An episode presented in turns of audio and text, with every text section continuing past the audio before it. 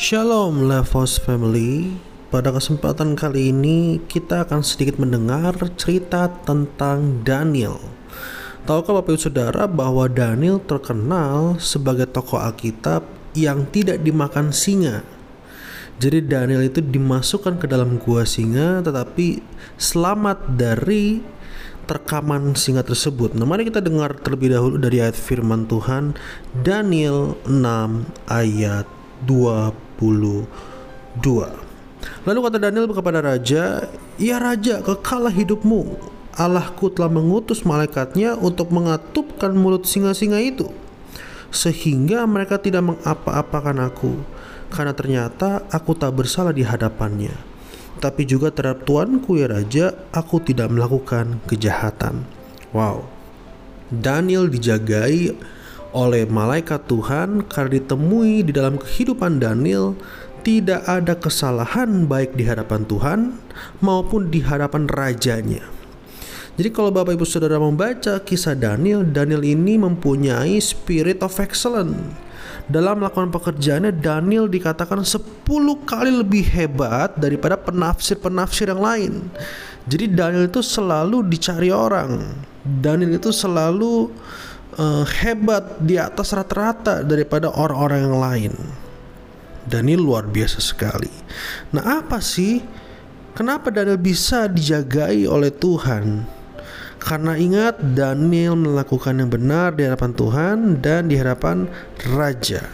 Nah, kalau kita Bapak Ibu Saudara mau dijagai oleh Tuhan, kiranya Tuhan menjagai kita bukan karena hanya sebatas kita sebagai anaknya, tetapi juga Tuhan menjaga kita karena kita punya nilai tinggi bagi bagi Tuhan dan bagi raja kita dalam tanda kutip bagi bos kita, bagi perusahaan kita. Sebab spirit of excellence itu dibutuhkan. Roh yang luar biasa itu dibutuhkan dan Daniel memiliki roh yang luar biasa itu. Kuncinya adalah Daniel selalu work hard dan pray hard. Dia selalu bekerja dengan keras, dia juga berdoa dengan keras. Artinya dia menyeimbangkan kedua itu. Makanya Daniel dipercayai, diingat orang. Ya.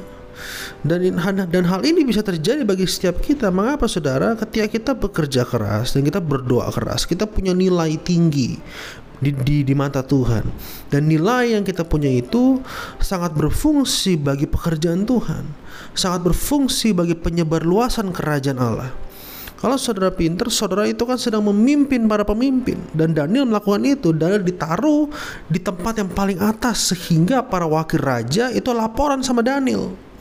Artinya apa? Daniel dipandang sebagai teladan efektivitas dia untuk menyebar luaskan atau menjadi teladan menyampaikan nilai-nilai kerajaan lebih hebat, lebih luas, lebih lebih dipandang orang.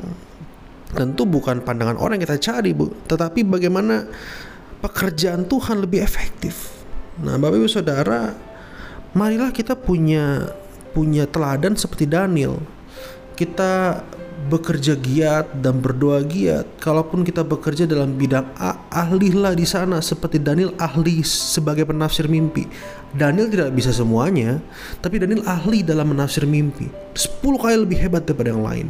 Jadi berkaryalah terus Bapak Ibu Saudara, belajarlah terus Bapak Ibu Saudara, tingkatkan nilai kehidupan kita. Supaya apa? Supaya kita punya nilai dan nilai itu bisa kita Gunakan untuk jadi berkat buat semua orang. Dampaknya apa ujungnya? Kita dijagai Tuhan. Karena kita adalah aset kerajaan Tuhan. Aset kerajaan Tuhan yang bisa dipakai Tuhan secara luar biasa. Menyebar luaskan kerajaan Allahnya di bumi. Nah, jadi Bapak Ibu Saudara, begitulah kisah Daniel yang bisa kita pelajari hari ini. Tuhan Yesus memberkati.